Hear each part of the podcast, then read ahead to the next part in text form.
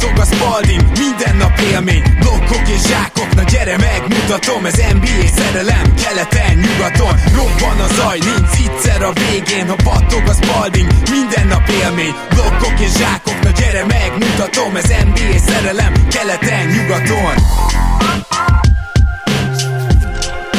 Éj jó! Szép jó napot kívánunk mindenkinek, ez itt a Keleten-nyugaton podcast, a mikrofonok mögött Zukály Zoltán és Rédai Gábor. Szia Zoli!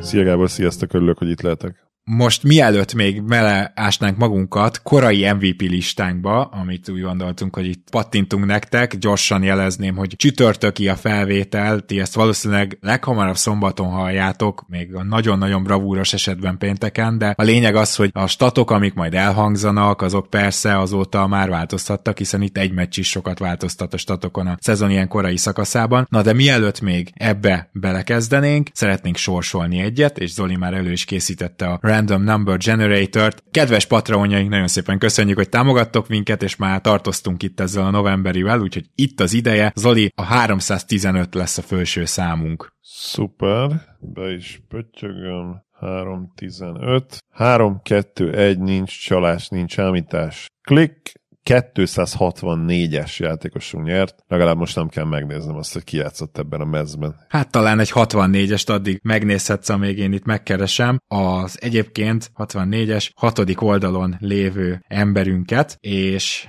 meg is van. Azt nem tudom, hogy Kristóf Tamás vagy Tamás Kristóf, ugye itt ez egy jó kérdés, de ő biztosan fel fog minket ismerni. 2018. augusztus 12 óta támogat. Kristóf Tamás, nagyon-nagyon-nagyon szépen köszönjük a támogatásodat, és reméljük, hogy ezzel most tényleg meg is tudjuk hálálni, ami azt illeti, arra is megkérnélek, hogy légy olyan kedves, és Facebookon keres meg engem, és akkor egyeztetünk arról, hogy hogy kapod meg ezt a valószínűleg sapkát, vagy azzal egyenértik ajándékot a Rep City felajánlásából, úgyhogy köszönjük szépen a Repcity-nek is, hogy ezeket az ajándékokat biztosítja nekünk. Tamás Kristóf, gratulálunk! Én is gratulálok neki, Kristófnak vagy Tamásnak. 64-es számú mezben elvileg nem játszott senki. Találtam egy olyan cikket, ahol így 100-tól mennek egészen lefelé nulláig, és a 65-ösben is játszott egy számomra nem, de egyébként gondolom híres játékos még az NBA BAA merger előtt, tehát az még a, azon merger előtt, amiről mi tudunk, ugye az NBA, ABA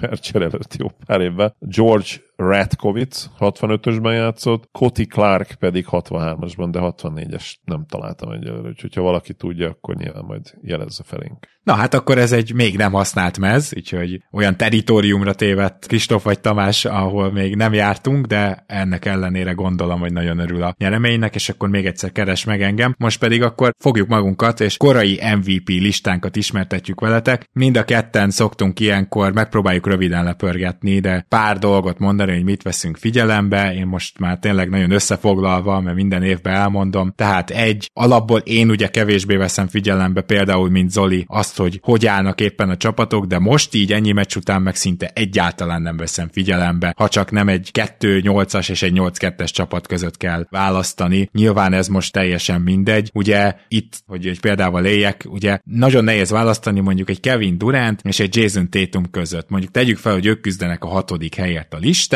és Jason Tatum egy kicsit hatékonyabb, Durantnek viszont magasabb a usage és kicsit több pontot dob. Na most ugye Durant mellett Booker két meccset játszott, most már hármat, Bill meg azt hiszem egyet vagy kettőt, tehát Durantnek egyedül kellett egy majdnem géligás csapatot szinten tartani, és ezt megcsinálta, miközben Tatum pedig egy fantasztikus kezdőtösben, egy fantasztikus csapattal áll jobban. Akkor most melyiket díjazod? A jó csapatot, vagy azt, aki úgymond még fontosabb volt a saját csapatának? Tehát ugye én nem akarok egyik vagy másik mellé állni most, én csak azt mondom, hogy ebben a pillanatban nagy butaságnak tartom, hogy hát akkor az dönti el, hogy a Celtics jobban áll, mert lehet, hogy mondjuk a Suns, amikor már mindenki visszajön, akkor majd megelőzi a Celtics-et, ez most csak egy teoretikus álláspont, és akkor a jövőben majd visszatekintetünk erre úgy, hogy Durant víz tartotta őket, és ennek köszönhetően végeztek mondjuk ők az egész alapszakasz első helyén két győzelemmel megelőzve pont a Celtics-et. Tehát, hogy ezért gondolom azt, hogy most tényleg butaság bátorság ezekkel érvelni. Ezen kívül az MVP listánál továbbra is az a legfontosabb, és azt gondolom azt kell majd nagyon érzékeltetnünk, hogy hol érzünk tír különbséget. Mert az, hogy most ki a második és ki a harmadik, fel is lehet cserélni, sőt, nagyon valószínű, hogy sokszor mi is ezt fogjuk mondani, hogy alig tudtunk dönteni, de hogyha valahol van egy tír különbség, ott azt érdemes szerintem megjegyezni. És a harmadik, amit akarok mondani, az pedig az, hogy egy, ha jól számolom, 13 olyan játékos találtam, akit most érdemes megemlíteni. Ezek között nincs ott Booker, aki egészen frenetikus azon a három meccsen, és ha ezt így folytatja, akkor top 5 környékén lehet MVP listán, csak hát most három meccset játszott, és ez még az ilyen pici 10-11 meccses mintánál is azt gondolom, hogy kiveszi őt ebből a beszélgetésből. Zoli, nagyon röviden te is kell foglald össze, hogy mi alapján hogy mentél. Mindenképpen boxscore statisztikák volt az egyik szempont. Ugye én ilyenkor a szezon elején tényleg szinte a basketball referencen élek, és nagyon poén azt is egyébként így figyelemmel követni, hogy egy-egy nagy meccs, vagy egy-egy rossz meccs mennyire fel tudja tornászni, vagy adott esetben le tudja taszítani. Például a hatékonyságát egy olyan játékosnak, aki ugye nagy volumennel dolgozik. Ez is egy érdekes dolog itt. Nyilván nézem a meccseket, illetve azon játékosoknál, akiknek a meccsét mondjuk nem tudom teljes egészében megnézni, mert ugye, ha csak a sztárokról beszélünk, vagy akár csak azokról, akik tényleg a legszűkebb elitről, akkor is legalább 5-6 játékosról beszélünk. Napi 5-6 meccset azért az embernek sajnos nincs ideje megnézni, de a legnagyobb sztárok, akikről ma beszélni fogunk, összefoglalóit szinte mindig megnézem. A nagy meccseiken, és itt nem kell feltétlenül 50 pontra gondolni, hanem akár egy 30 pontos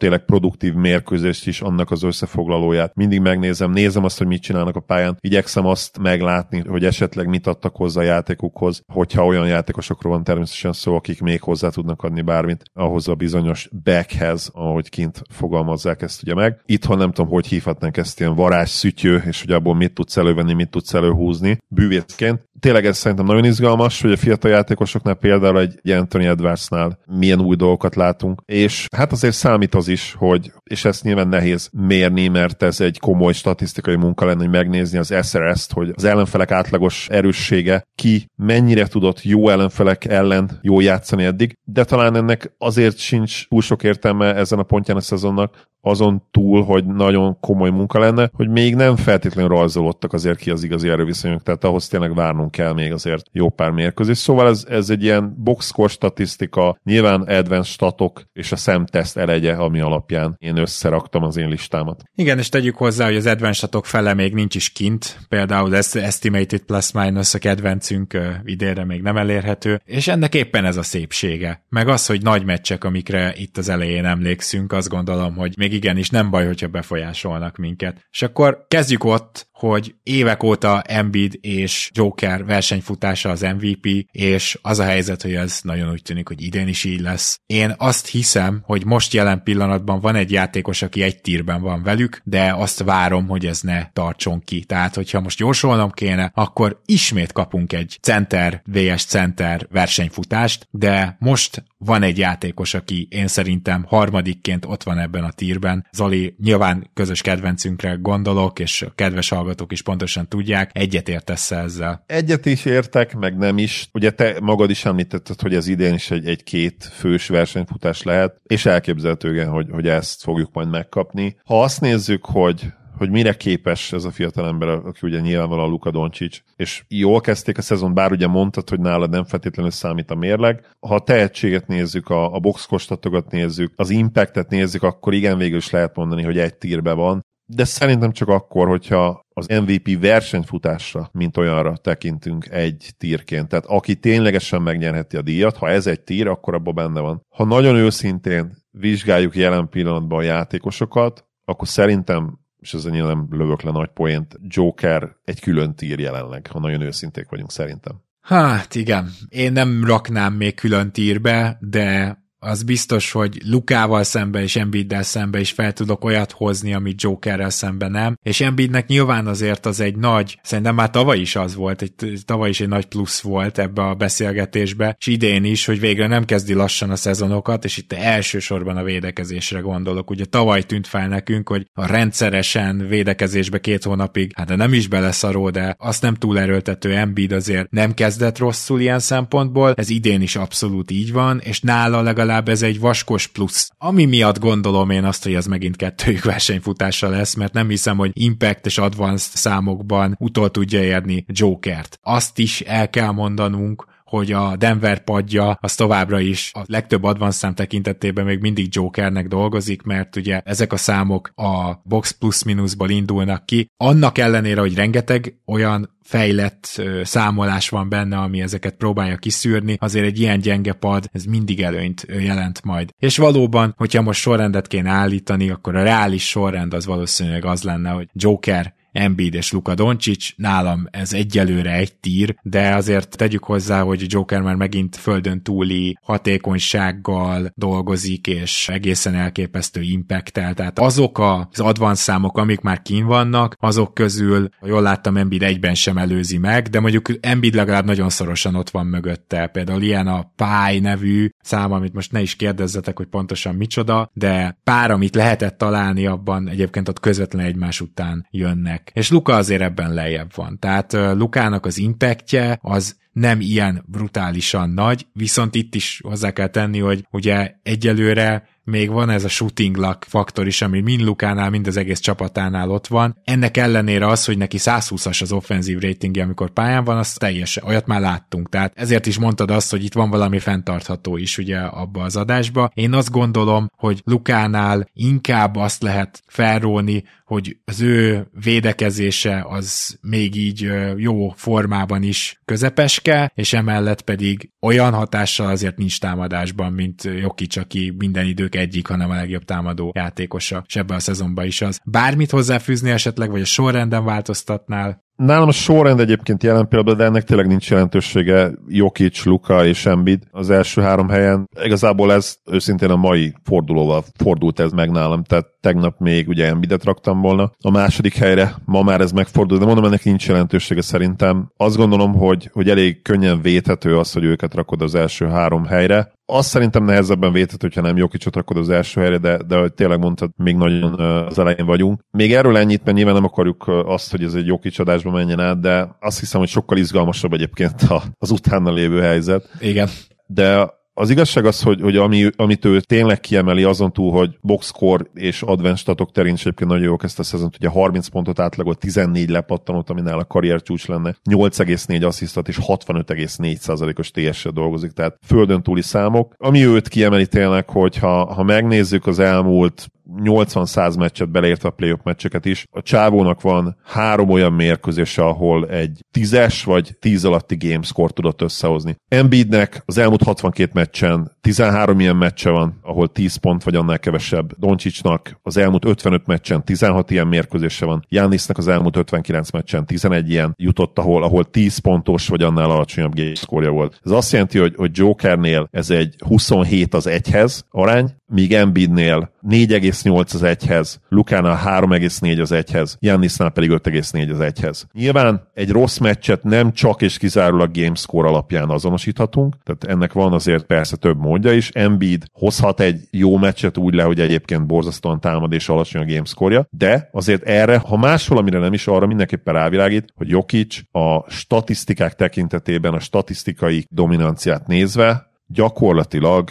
ötször, hatszor konzisztensebb, mint az utána jövő játékosok, ami, ami egészen őrület. Igazából most már, most már kezdenek kigyűjteni ilyen adatokat, és az a végeredmény, hogy, hogy Michael Jordan óta a legkonzisztensebb játékos. Jokic, LeBront is megelőzve ebben. Igen, és én ezt nem tudom, tehát ugye a szemtesztre meg érzésre is úgy érzem, hogy ennek igaznak kell lennie, mert Jokernek egy hihetetlen faktor az, hogy mennyire konzisztens, hogy, hogy a tőle kvázi rosszabb meccsek is hihetetlen impacttel és jó statisztikákkal járnak, tehát nem is nevezhetem rosszabb meccsnek, csak mondjuk a legeslegjobb meccseihez. Igen. Tehát, Igen, de... tehát most, most lehozott egy olyan rossz meccset konkrétan, ahol ilyen 37-16-9-et rakott be a közösbe, és az egyetlen faktora annak, hogy rossz meccse volt, az, hogy nem dobott jól a mezőnyből. De ugye mellette 14 per 14 volt a büntetővonal, és ez a meccs is bekerült ebbe a statisztikai elemzésbe, és ezzel együtt is ez az arány, ez ilyen 27 az egyhez, ami,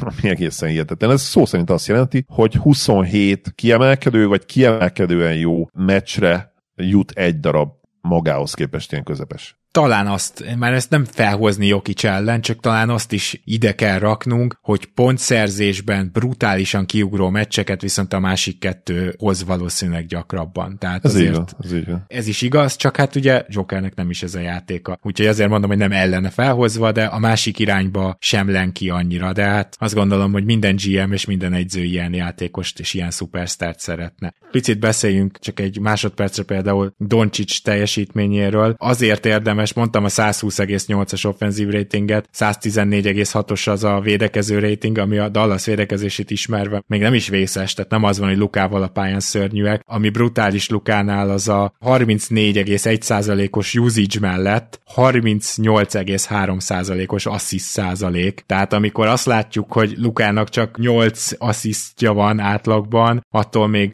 egészen elképesztően naprendszer játékos. Tényleg a, a 8 assziszt annak köszönhető, hogy annyira hatékony ISO scorer, annyira hatékony most a visszalépős triplája is, hogy egyszerűen nem szükséges, nem mindig az a legjobb játék, hogyha ő passzol, és így oszt ki 8 asszisztot, úgyhogy ezt külön hangsúlyoznám. Embiidnek a hatékonysága az jó, de nem elit most jelen pillanatban, viszont azért nála mind a majdnem két blokkban, amit kioszt, mint pedig én azt gondolom lepattanókban, védekező lepattanókban látszik az, hogy a szokásos impactjét hozza. Védekezésben meg ha nézi az ember a meccseket, akkor is ö, jól látszik ez, úgyhogy őt meg emiatt dicsérném meg. De mielőtt tovább megyünk a tényleg izgalmasabb negyedik és tizedik közötti helyekre, említsük azért azt meg, hogy számszerűsítjük, hogy hogy mit átlagolnak a srácok, szerintem azért ez is fontos. Luka 30,7 pontot, 7,8 lepattanot és 8,1 asszisztot, 64%-os TS-sel, ami egészen elképesztő. Embiid pedig 32, 11 és fél, 5,8, tehát az asszisztja nagyon szép idén. És ugye azt mondtad, hogy nem elit hatékonyság, azért szerintem ez elit hatékonyság, csak mondjuk most még a többiekhez képest nem, mert ugye 61,4%-os TS, majd beszélünk Jason Tatumról is, nálam egyébként ő jön a negyedik helyen, és akkor ezzel tovább is görítem neked a labdát. Ő 28 pontot, 8,7 lepattanót, 4 asszisztot átlagol, és ő is 64%-os TS-sel dolgozik, mint Luka. Tehát ebből a szempontból szerintem abszolút vétető az, hogy Lukát Tatum elé raktuk. Embidet pedig azért helyezik valószínűleg Tatum elé, mert impozánsabb, vagy picivel impozánsabbak a boxscore statjai, de egyébként nálam, ha már tírekről beszéltünk, ha nálam külön tír lenne Joker, akkor Tatum, ha nincs is ott most a Doncic Embiid tírben, azért olyan nagyon sokkal nincs lemaradva tőle, és ha folytatja ezt, ami egyébként neki még nem igazán sikerült eddig karrierje során, hogy az egyébként időnként akár hónapokig is elit átlagokat hozó teljesítményt fenntartsa egy teljes alapszakaszon keresztül, ha ezt ő idén meg tudja csinálni, nem azt mondom, hogy neki adnám az MVP-t feltétlenül, de ott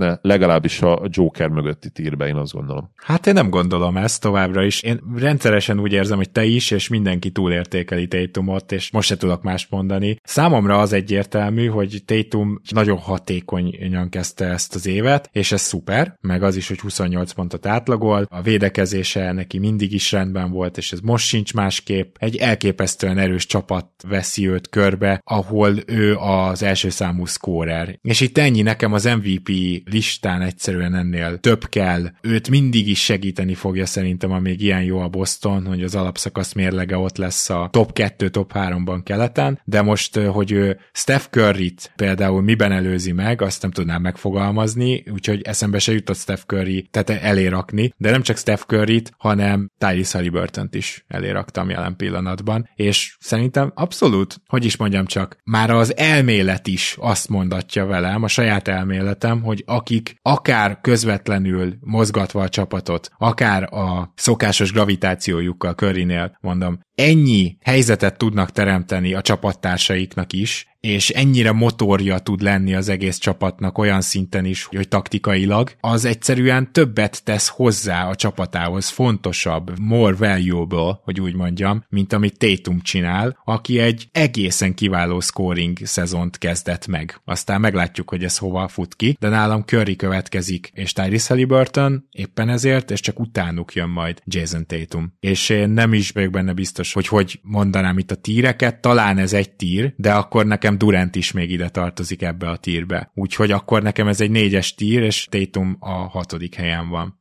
Hogyha egy héttel ezelőtt vettük volna fel ezt az adást, akkor Curry nálam még top 3 lett volna. Azóta azért voltak olyan meccse, amik nem sikerültek túl jól. A statisztikai azért már, hát nem akarom azt mondani, hogy zuhanó félbe vannak, de visszaesőben. Így is egyébként kiváló még mindig, és nálam egyébként ő, ő Halliburton után jön, tehát nálam a lista úgy folytatódik Tétum után, hogy, hogy Halliburton jön, és majd mindjárt róla szerintem egy kicsit többet fogunk beszélni, mint Stephről. Steph csodálatos játékos, 35 évesen is, majd hogy nem elit teljesítmény nyújt, attól függ, hogyan határozzuk meg az elitet. Ha az elitet top 10-es teljesítményként, vagy akár top 7-es teljesítményként határozzuk meg, akkor abszolút elit. Ha tényleg a krémhez, az abszolút krémhez igazítjuk, akkor szerintem ő már mondjuk a harmadik tír. Tehát, hogyha az első tír Joker, második tír ugye Luka és Embiid, akkor nálam a harmadik tírbe jön utána Curry Télummal. És egyébként a hatékonysága is nyilvánvalóan azért neki soha nem lesz rossz, tehát neki, neki szerintem a jelen például 68%-os térs konkrétan, tehát jobb, mint a többieké. Nyilvánvalóan ez vissza fog esni majd, lemegy valahová 60%-os TS és mondjuk 63% közé, ami hát nála így is ugye egészen elképesztő. Hát a csávónak konkrétan a karrier true shootingja az 62,7%-es. Kicsit ő ebből a szempontból anomália is egyébként, és nála ezt nem azt mondom, hogy nem kell komolyan venni, de, de érted, hogy mit akarok mondani. Tehát egy olyan hihetetlen előnyben van ebből a szempontból, az egyébként nyilvánvalóan különleges képességen keresztül, hogy nem lehet azért úgy összesíteni, hogy azt mondod, azt látod, hogy oké, okay, Steph 63%-os karrier scorer, és mondjuk három ponttal átlagolt csak kevesebbet, mondjuk nem tudom, egy LeBronnál, attól még nyilván nem fogod azt mondani, hogy Steph a jobb scorer, tehát itt ezt csak ezt mondom, hogy itt helyén kell kezelni. És akkor Halliburtonről beszélünk egy picit többet, mert ő az új fiú, ő, ő az izgalmas új játék, a shiny new toy, ahogy kint mondják. Bocsánat, csak egy statisztika a Halliburtonhöz. 126 fölött van az offenzív ratingje az Indiánának, amikor pályán van. Ez abszolút ilyet még nem láttunk kategória, tehát ez az ilyen nincs. Ez az, amit nem hiszed el, hogy ez tartható. Tudod ki ő? És te már mondtad többször a NES összehasonlítást, de ő nem az új NES, hanem ő, tudod ki? Ő a Super NES. Ő az a NES, aki NES a mai érában lenne. Tehát egy, egy nagy volumenű NES gyakorlatilag, ami, tehát NES-nek igazából az egyetlen gyengéje, és a Sunsnak is az egyetlen gyengéje az volt, ugye, hogy az az üvegplafon, amit ugye, ahogy, ahogy mondják, hogy láttak valamit ott, és azt hitték, hogy nem lehet áttorni, de az igazából egy simán áttörhető valami lett volna, ha nem 14 triplát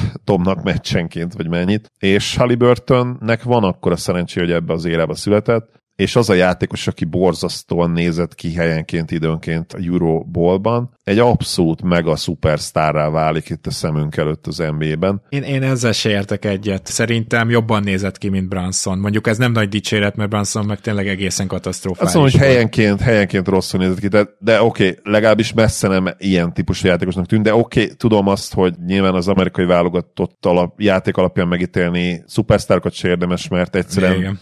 olyan játék, tehát ott, ott kijön, ebből a szempontból hátrány az, hogy hány jó játékossal játszol együtt. Tehát ott nem is szabad neki azt játszani, még nem is játszotta azt, mint amit az NBA-ben. Halliburton, 24 és fél pont, ez még megy majd feljebb is. 4,2 lepattanó, nyilvánvalóan ő, ő nem egy kiemelkedő lepattanózó. Figyelj, amúgy ez irányítótól nem rossz. Főleg nem úgy, rossz, hogy őt nem, játszatják, a, igen. nem játszatják agyon. Igen, lesz az még egyébként jobb is szerintem, mert ahogy izmot fog felszedni, ugye neki azért jó méretei vannak, jó magassága, jó wingspanje. Lesz azt szerintem ilyen 6-7-nél is a csúcson, de mondjuk ilyen 5 és fél 6 körül szerintem szinte biztosan. És hát ami a, az ő ütőkártya, az nyilvánvalóan a 12 és fél assziszt, meg a 67,7%-os true shooting. Hogy ezzel a szemre nekem abszolút nem tetsző, és, és nyilván nagyon nem tradicionális dobó formával, ami még büntető dobásnál is egyébként hülyén néz ki. Hát de tök mindegy, mert szerintem több csón nélkül itt dob, talán Stephen kívül bárki másnál. Úgyhogy működik a dolog. És amit az elmúlt hat meccsen csinál, az nagyon durva. Tehát az elmúlt hat meccsen 43 pont 12 assziszt, két lepatton 66%-os mezőny. Előtte 23-8-2, ez nem volt annyira extra meccs. Azelőtt volt egy 16 pont 13 assziszt, 29 pont 10 assziszt, 25 pont 17 assziszt, 33 pont 15 assziszt, és volt ebbe azért 7 lepattonos, 6 lepattonos meccs is, tehát ebből a szempontból is van kiugrás, és nem dobott rosszul gyakorlatilag egyiken se. A legrosszabb mezőny százalék az 47 százalék volt, és volt, írd és mond, ez alatt a hat meccsen négyszer is dobott 60 százaléknál jobban, egyszer 64, egyszer meg 66 százalékkal. Tehát ez a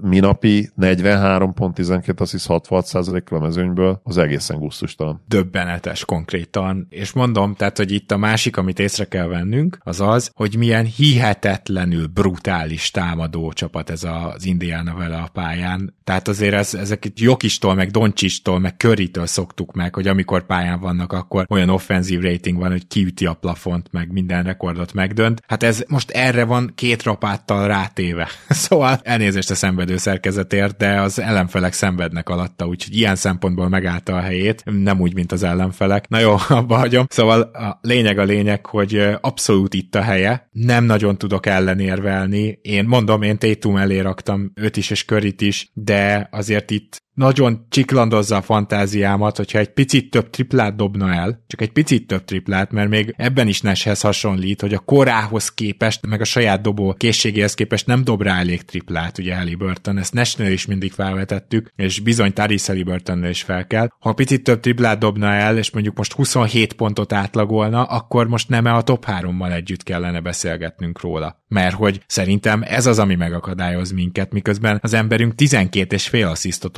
ki, hogy így miről beszélünk, hogy hány ponthoz járul ő hozzá igazából, az, ami hiányzik ott a 30-ig, meg Tétum 28-áig, meg nem tudom én, Embiid 32-éig, hogy azok azért ki vannak pótolva. Hát egy assziszt átlagos értéke az körülbelül két és fél pont, mert az asszisztok nagy része ugye három pontos, és még a két pontosok közül is van plusz egyes. Most nincs konkrét statisztikám, de nagyjából két és féllel beszorzod az asszisztot, akkor úgy ki tudod számolni, hogy összesen átlagban hány ponthoz járul hozzá. És ugyanott vagy vagyunk. Ugyanott vagyunk, csak ezt akarom hangsúlyozni, hogy csak azért, mert nem dob annyi pontot, azért nem szabad azt a következtetést levonni, hogy jaj, hát akkor ő igazából nem is tesz annyit hozzá. De ő speciál 12 és fél asszisztal ezt megteszi. Úgyhogy én, én erősen gondolkozok azon is, hogy Steph fölé rakom. Tudod mit? Megcserélem. Nálam negyedik Halliburton, ötödik Steph és hatodik Tatum és hetedik Durant, ha jól számolok, igen, és szerintem majd Durantról is beszéljünk akkor. Beszéljünk, mert csak azért is, mert nálam is ő jön ugye a hetedik helyen. A Suns ugye eleddig csalódás, de az nem Kédinek köszönhető, aki hát például a büntető kiharcolása terén, ha nem is karrier high számokat hoz, de közel van a karrier legjobb teljesítményéhez, amit egyébként 21 évesen rakott össze, amikor ugye 10,2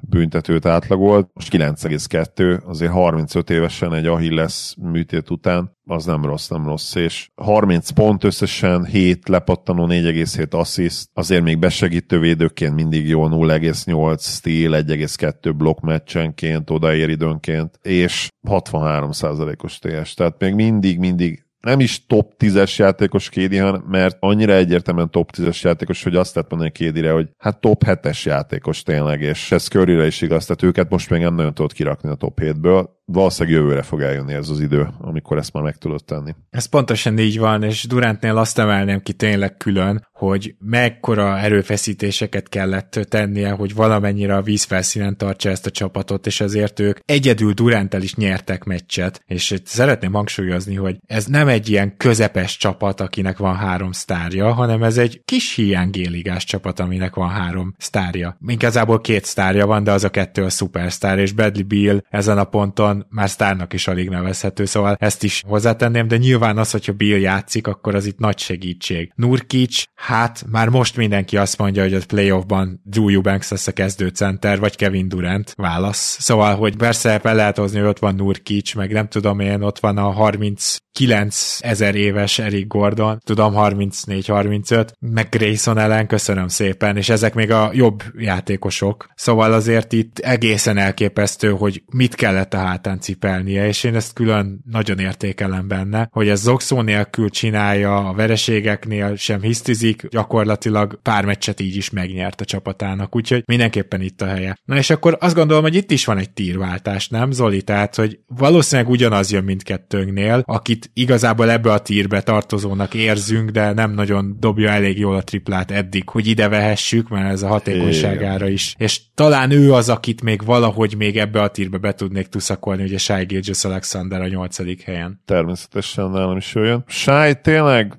az a játékos, akiben most már nagyon nehéz belekötni, egyre nehezebb, és csak és kizárólag a triplázás az, ami gyenge pontja. Védekezésben is nagyon sokat fejlődött, idén kifejezetten agresszív, és jó értelemben agresszív védekezésben, tehát nem arról van szó, hogy vadásza a passzokat, és a passávokba ugrál ki, mint az őrült, hanem nagyjából fegyelmezett alap kiinduló pont van, és akkor onnan hírt nagyon dinamikusan tudja elcsenni ezeket a labdákat. Jó érzéke van ahhoz is, hogy kiüsse az ellenfél kezéből a labdát, akár hátulról, akár betörés közben, és ennek is köszönhető az, hogy, hogy ugye 2,6 stílt átlagol eddig. Besegítő védőként sem rossz, ugye ezt már tavaly is megfigyeltük, ahol egy blokkot átlagolt, szóval tényleg az a srác, aki nem volt úgy igazán jó védő az első éveiben, a hihetetlen jó fizikai adottsága ellenére sem, az nagyon szépen felnőtt ebből a szempontból is, és nagyon-nagyon jó védővé vált. Nyilván a támadó oldalon még többet fejlődött, a gyűrű közeli befejezései azok egészen félelmetesek. Idén nem kap meg még annyi faltot, mint amennyit ugye tavaly megkapott. Kicsit egyébként nekem a tavalyi szezonja az már, már, már ilyen arcátlanba ment át időnként, és volt egy ilyen kis Harden vagy Embiid életérzés vele kapcsolatban, de most már meg kell, nem is meg kell kockáztatnunk, hanem ki kell jelentenünk, hogy stabilan ő most már egy ilyen top 8-as játékos szintén, és borzasztó nehéz dolga lesz egyébként azoknak, akik most jönnek majd a listánkon, és akár ezt ilyen, tudom, 12-13-ig átbeszéltjük, mert nekik ugye most nem csak feltétlenül az MVP-ről kell beszélnünk velük kapcsolatban, hanem arról is, hogy hogy a fenébe fognak ezek betörni ebbe a top 8-ban, ami most van, ahol a játékosok nagy része nagyon fiatal, és ha ki is öregszik mondjuk KD és Curry jövőre, akkor is azért már megvan szerintem az egy játékos, és akkor valószínűleg jöhet ő is most majd, akinek úgymond így bérelt helye lesz, az akkor hét játékos, nagyon-nagyon nehéz lesz azoknak a fiataloknak, akik még csak most jönnének majd. Hát nálam nem Anthony Edwards a kilencedik, gondolom rá Na, gondoltál. Igen, rá gondoltam. De nem, nem ő a kilencedik nálam. Tehát ezen sokat gondolkoztam, mert itt nyilvánvalóan van egy tír szakadás, és azt gondolom, hogy itt 9-től gyakorlatilag 13-ig számomra egy tírben van jó pár játékos, de én a kilencedik helyre még így is Jannis raktam. És nem csak azért, mert, mert tudom, hogy ennél amúgy még ő jobb és hatékonyabb, hanem azért is, mert szerintem idén védekezésben évben, annak ellenére, hogy a Bucks szörnyű, annak ellenére, Giannis nagyon jó, és a másik fő érvem, hogy Giannis igen, nem kezdte túl hatékonyan a szezont, de az, hogy ő nem kezdi túl hatékonyan a szezont, az nem jelenti azt, hogy nem hoz egészen elképesztő statisztikákat, és egyáltalán nem arról van szó, hogy túl lenne használva, és hogy annyira nem hatékony, hogy hát ezzel már árt a csapatának, tehát nem fordult itt át semmi, csak ezt akarom mondani, úgyhogy összességében Janis talán még ebből a következő ötösből, ha jól számolok, ugye 9-től 13-ig igen az öt játékos, még számomra első, ha nem is kiemelkedik. És azt várom, hogy Janis relatíve könnyen visszatérhet még ebbe a nyolcasba, tehát kilencessé teheti. Tehát azért azért nem, nem temetném őt így el. Ja, abszolút én sem egyébként. Megmondom hogy bár nálam is jön a listában, teljesen, tehát ott felejtettem el, amikor most beszéltem erről a hetesről. Tehát ennek a hetesnek azt gondolom, hogy ő is természetesen a tagja. Úgyhogy a, az a hetes akkor ez most igazából egy kilences, ugye Curryvel és Durantel, ugye? Vagy nyolcas? Igen, nem, kilences lesz igen. így, de figyelj, 9-es, igen. a, a betöréssel a top... kapcsolatban akarom igen. mondani, hogy azért Halliburton még nem vártuk ide. Tehát tudtuk, hogy még jobb nem, lesz, de be, be lehet törni. Csak igen, be lehet.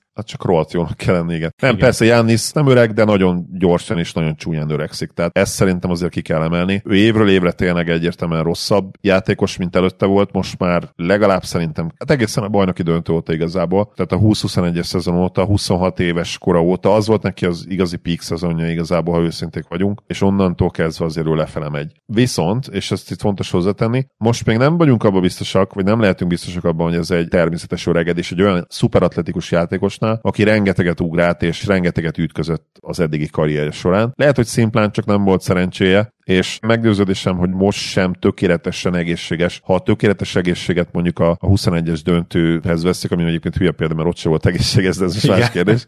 De mondjuk, ha 26 éves Jannishoz viszonyítjuk, és azt mondjuk, hogy Jannis éppen felkelt egy 26 éves korában egy reggel, és nagyon jól érezte magát, ha az a max szint, akkor azt már nyilván nem fogja elérni, de lehetnek még azért olyan playoffjai, olyan szezonjai, ahol, ahol úgy igazán jó formában van és egészséges. Szerintem az idei eddig nem ilyen. Nem, most elképzeltem, hogy Jannis a két méter 40 centi hosszú ágyában így fel kell, és akkor hát most már egy picit fáradtabbnak érzem magam, mint két éve. Na mindegy, de abszolút értettem, amire akartál. Igen, a startjében még mindig nehéz belekötni egyébként, de az igazság, hogyha van olyan játékos, akinél ugyanannyira nem hoz már lázba az, hogy ő 30 pontot átlagó 62%-os TS-sel, mint mondjuk Currynek a 65%-os TS-e, akkor Jannis az. És itt nem arról van szó feltétlenül, hogy most már így egyértelműnek vesszük a nagyságot, hanem inkább arról van szó, hogy szerintem az ő játékstílusú kimaxolja azon részét a játékoknak. Az, hogy Jannis egy gyakorlatilag athletic freak, ugye senki hozzá hasonló nem volt az NBA történetében, és ugyanez igaz Stephre is. És egyébként nem érzem azt, hogy feltétlenül úgy dominálnák a játékot már, mint azt ezek a statok még mutatják. Nem tudom, hogy ennek így van-e értelme. Értem, hogy mire gondolsz, de szerintem Currynél még ott van az impact is. Szóval, Ö, hogy va- persze, azt hiszem, hogy Jannisnál jobban igaz ez az állítás, akkor így fogalmazom. Abszolút körén ott van az impact, csak szerintem az sem az az impact már, mint mondjuk régebben volt, ami nyilván logikus is lenne, hiszen 35 éves. De minden, mielőtt megvádolnak azzal, hogy Giannis és Steph hater lennék, ami hát azért, amit nem vennék jó néven, mert Inkább az ellenkezője igaz, igen. Igen. Jánisztán azért említsük meg, ugye, hogy 62%-os TS-sel dolgozik, tehát abszolút rendben van a hatékonysága. Annyi, hogy sajnos, ahogy mondtad az előző adásban, a büntetője az, ha valami, akkor még tovább romlik, amit nem gondoltunk már, hogy lehetséges, de nála tényleg az lehet, hogy 31, 32, 33 éves korában ő már ilyen bőven ilyen 60% alatt fog büntetőzni. Amúgy Ami- emlékszel Westbrookra, meg az ő büntetőzésére? Igen. Na, és ugye Westbrook is olyan típusú játékos volt, aki a betörésein és a fizikai képességén alapult a játéka. Most itt nem akarok párhuzamot vonni, mert nem logikus, hogy ebből bármi következne, csak nagyon furcsa, hogy ugyanúgy nem csak, hogy rosszul öregednek, az nem furcsa, hiszen az ilyen típusú játékosoknak valami mást meg kell tanulni, hogy jól öregedjenek. Ugye ez Dwayne Wade-nek se sikerült, de mondjuk Dwayne Wade nem lett sokkal rosszabb büntetőző öregkorára, miközben Westbrook meg Giannis egyre romlik. Most itt Westbrooknál persze fel lehet hozni, hogy most már nem olyan szörnyű, de ugye volt az a hirtelen visszaesés legalább két-három évig nála is a büntetőben, és akkor dobott rá igazán sok büntetőt, ezt is érdemes hozzátenni. Amúgy megnéztem és ráibáztam, mert Wade sokkal rosszabb büntetőző lett a is? végére. Ne, Igen. ne. A, Akkor itt csak lehet, hogy találtunk valamit. Csak nem Igen, lehet logikailag kon- megmagyarázni. Konkrétan 10%-ot esett vissza az utolsó három szezonjából kettőre a büntető átlaga. Előtte ugye ilyen 79-78%-on volt 80%-os szezonja is, de szinte mindig ilyen 76-78% környékén vagy közelében. A legutolsó évében 70%-kal dobott, tehát majdnem beesett 70 alá, az azelőtti 74%-kal, és azelőtt 71%-kal. Tehát gyakorlatilag a két utolsó évben 71 és 70,8%-kal büntetőzött. Na, ez nagyon érdekes. Lehet ennek majd még utána megyünk, bár mondom, nagyon logikai magyarázata nincs a dolognak, viszont akkor a tizedik hely, ja, de nálad kilencedik Anthony Edwards, tehát akkor tizedik Antetokumpo, így mondhatjuk? Nem, nálam Jannis a 9. Giannis. Csak ugye amikor a, ezt a eszmefuttatást csináltam, hogy a fiatalok közül kitörhet majd be, akkor Ó, őt bocs. elfelejtettem, és Bocs, a, persze. arra nyolcra gondoltam, de, vagy a hétre, vagy akkor amennyire tartottunk, de, de nálam is Jannis jött, utána viszont Anthony Edwards. Nálam úgy van, hogy a tizedik helyre egyszerűen felírtam négy embert. Te a maradék közül Anthony Edwardsot még kiemelnéd, vagy azt mondanád, hogy ott van egy bunch, mint ahogy én tettem? Játszunk olyat, hogy megpróbálom kitalálni először is. A, Hát a akár a sajátjaidat is elmondhatod, vagy kitalálhatod Jó. az enyémeket. Lehet, hogy eddig ugye eléggé durva volt az átfedés. Igen, nyilvánvalóan az egyikük. Donovan Mitchell, Így van. és Ugye nálam még két ember van itt. hát Maxi szerintem még ott nem jöhet neked. De. De Volt olyan, Maxi? Beraktam, igen, igen. Mondjuk egyébként figyelj, az eddigi szezonja alapján simán, mert eddig ilyen 1 per A, 1 per B Embiiddel, szóval végül is a 11., 2., 3. helyre akkor ugye így csomagban oda lehet őket rakni, és akkor esetleg akit még ide raktál, az talán, hát nem hiszem, hogy Paul George. Nem, de egyébként ő azért nincs ettől messze, de nem, még, még van egy játékos, talán statisztikailag nem annyira domináns, de mégis ide raknám. Most nálad ki lenne az Nyilván, évvédője? nyilván Cam Thomas. Igen. Ki lenne nálad most az évvédője, Zoli? Az évvédője jelen pillanatban? Tudom, hogy nincs értelme 11 meccs Ne, ide raktad Rudit. Nem, nem raktam ide Rudit. Azt hittem. És nem- De nem Rudi ő lenne az lenne. évvédője. Nem, ő Nem. lenne az évvédője nálad? Nem. Ugye a- fura azok után, hogy te Igen, ö, igen, igen, tudom, de van valaki- a van valaki- domináló. Igen, van valaki, aki az én szememben egyelőre még jobb, és szinte egyedül tart egy csapatot életben, aki ráadásul rosszul rajtoló csapat volt. Valamelyik Macid? Nem, Akkor nem, nem JJJ pedig. nem, Bam Adebayo. Bam. Bam rossz tipp így egyébként. A, a hit rosszul kezdett, és azóta úgy egész jól összeszedték magukat, és valóban Bamnek köszönhető leginkább. Bamet én nem írtam fel, de egyébként kicsit szégyellem magam, mert felirattam volna őket én is itt a 15-ig bezárólag. Abszolút felirattam volna én is őt. Talán annyiban beszéljünk róluk itt az adás végére, hogy Bemadebajónak tényleg a two-way impactje alapján szerintem itt meg kell említeni egyszerűen ebbe a top 10-es beszélgetésbe. Tyrese Maxia döbbenetes hatékonysága mellett, te beszéltél róla múltkor, hogy fenntarthatatlanul magas az assziszt átlaga is, tehát hogy csak azt akarom Igen. mondani, hogy ha most itt a boxkorokra alapozunk, akkor teljesen indokolt, hogy itt legyen. És Anthony Edwardsnak például ugye nincs azért ilyen hatékonysága. Egyébként Adebayo is brutál hatékony, hogy más nem mondjak. Tehát itt ebbe a kategóriába azt gondolom, hogy ha megemlítjük Edwards-t, akkor nem jogos, hogy ne említsük meg Maxit és Adebayot, és ugye Donovan Mitchell, akiről meg itt szépen megfeledkezünk, de egyébként egy olyan brutálisan jó alapszakasz játékos, és annyira jó neki a Cleveland ilyen szempontból, hogy ezt elképzelni nem tudom. Azt hiszem, hogy Donovan Mitchell tényleg egy ilyen szegény ember Doncsicsa, amit majdnem azt csinálja, mint Doncsics, csak kicsit rosszabbul, de azért most az elmúlt év és az idei év védekezése, ott viszont szerencsére van egy nagy előrelépés, és ebben meg meg kell, hogy dicsérjem Donovan Mitchell-t, úgyhogy minden további nélkül itt a helye, és a Edwardsnak itt a helye, akkor Mitchellnek is. Tehát azért írtam 13-ig, mert én is Edwards-ot fel akartam írni, és akkor megnéztem, hogy kik azok, akik vannak olyan jók, mint Edwards, és ezeket a játékosokat találtam, és majdnem Paul George is ide került. Bem jogos egyébként, én őt nem itt a futottak még kategóriába se raktam bele, ugye Maxit, igen, Mitchell-t is természetesen, ugye én 12 írtam a listát, de az igazság, hogy Bem idén egyértelműen a legjobb hit eddig és hogyha megnézed, akkor ugye 52% a mezőnyből nagyon jól harcolja a faltokat, 7,6 meccsenként ez masszív karriercsúcs lenne, 80%-et be is dobja, még mindig nem triplázik, szóval ezt utálom, és egyszerűen tényleg nem értem továbbra se, hogy miért nem adják hozzá a játékához, és 59%-os TS, ugye ennek köszönhetően a régi ligában ezzel itt lett volna még, itt ma a jónak a teteje kb. vagy a jó hatékonyság, ez 60%-os TS-ek alatt ma már nem lehet labdába rúgni, amikor a legjobbak ilyen 65-től 67, 8, 9%-ig nyomják akár. Na jó, csak ehhez, őrület. ehhez adjuk hozzá, hogy ha Gober is az évvédője, akkor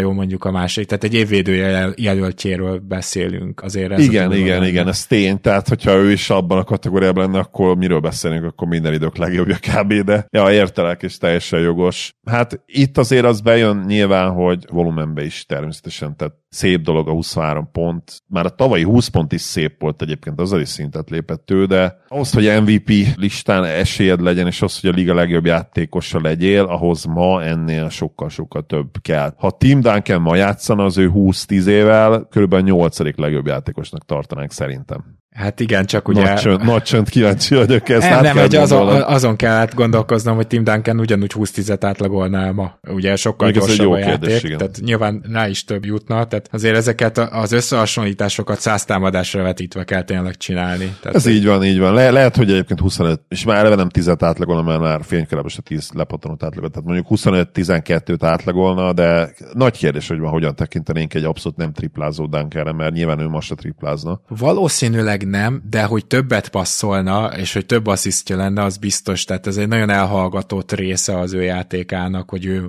igen, marha jól passzolt. Csak hát jó, nem, jó, jó volt, igen. nem használták ezt annyira, mert ugye ez az egész, ahogy evalválódott, az történt, hogy először a centereknek azt mondták, hogy dobjátok már el a triplát is, hogy jobban tudjanak betörni az igazán jó betörő játékosok. Ez először pick and popokban mutatkozott meg, ugye Novickivel például, de nyilván ő neki más is volt a játékában, nem csak ez ez, de azért először az kellett, hogy pick pop magasok legyenek, utána már spacing magasok is lettek, akik akár hajlandóak kint állni egész végig, például egy Miles Turner, és akkor emellett jöttek a Margasol féle ilyen könyökből irányító magasok, és ez a kettő lett összekombinálva akkor, amikor Margasol szépen kilépett a tripla vonalon kívülre, és onnan kezdett el irányítani. És ennek ugye most az Atya Úristene Jokic, akit a Jóisten is ebbe az érába teremtett, most, hogy ez a szerep egyáltalán meg megszületett, és ő valószínűleg önmagába tovább evolválta ezt a szerepet. Most hú, de gyors ilyen, gyors talpalót tartottam. Az a lényeg, hogy egyszerűen Tim Duncannek nem tudjuk, hogy ma hány asszisztja lenne, de hogy nem kettő, abban teljesen biztos vagyok. Ezzel egyetértek mindenképp. A féle szerep szerintem régen is létezett azért, de tehát hogyha Szabonis mondjuk megkaptuk volna fénykorában az NBA-be, akkor szerintem ő azért már ilyen 5-6 asszisztot átlagolt volna akkor. Igen, de a ma jönne a fénykorában lévő Szabonis, akkor az hát valószínűleg passzjátékban csak ő lehetne Jokichoz hasonlítható. Hát és ő hasonló is lenne egyébként. Igen, igen, igen, igen. igen. Valami hasonlót látnánk, csak nyilván nem ilyen iszonyatosan durva hatékonysággal vegyítve. Igen, azt nehéz elképzelni. Szabonis, majd egyszer egy külön adásba beszélünk róla szerintem. Szabonis egy hihetetlen érdekes játékos volt, és az egész mítosz maga nagyon érdekes. Mint ahogy általában a mítoszok vannak benne olyan részek, amik picit elrugaszkodottak, nem feltétlenül kizárólag csak a egy tiszta igazságot tartalmazzák, szóval ez egy külön beszélgetés lesz majd.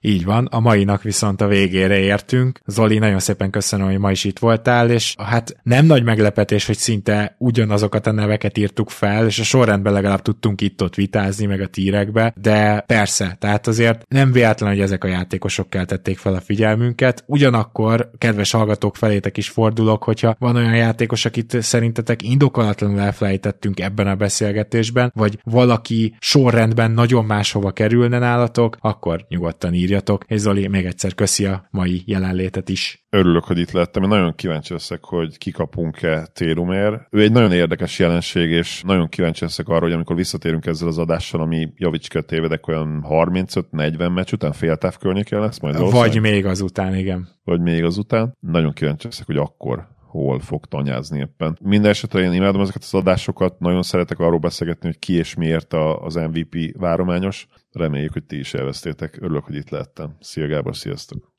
Kedves hallgatók, következő héten elképzelhető, hogy már megnyomjuk a pánik gombot, és például az is, hogy a Clippers játékát egy picit kielemezzük, mert hogy ez kezd bóvozatba illő lenni, ami ott történik, úgyhogy talán megérdemelné némi részletességet, úgyhogy nagyon érdekes témákkal várunk a következő héten is, tartsatok velünk, minden jót kívánunk nektek, sziasztok!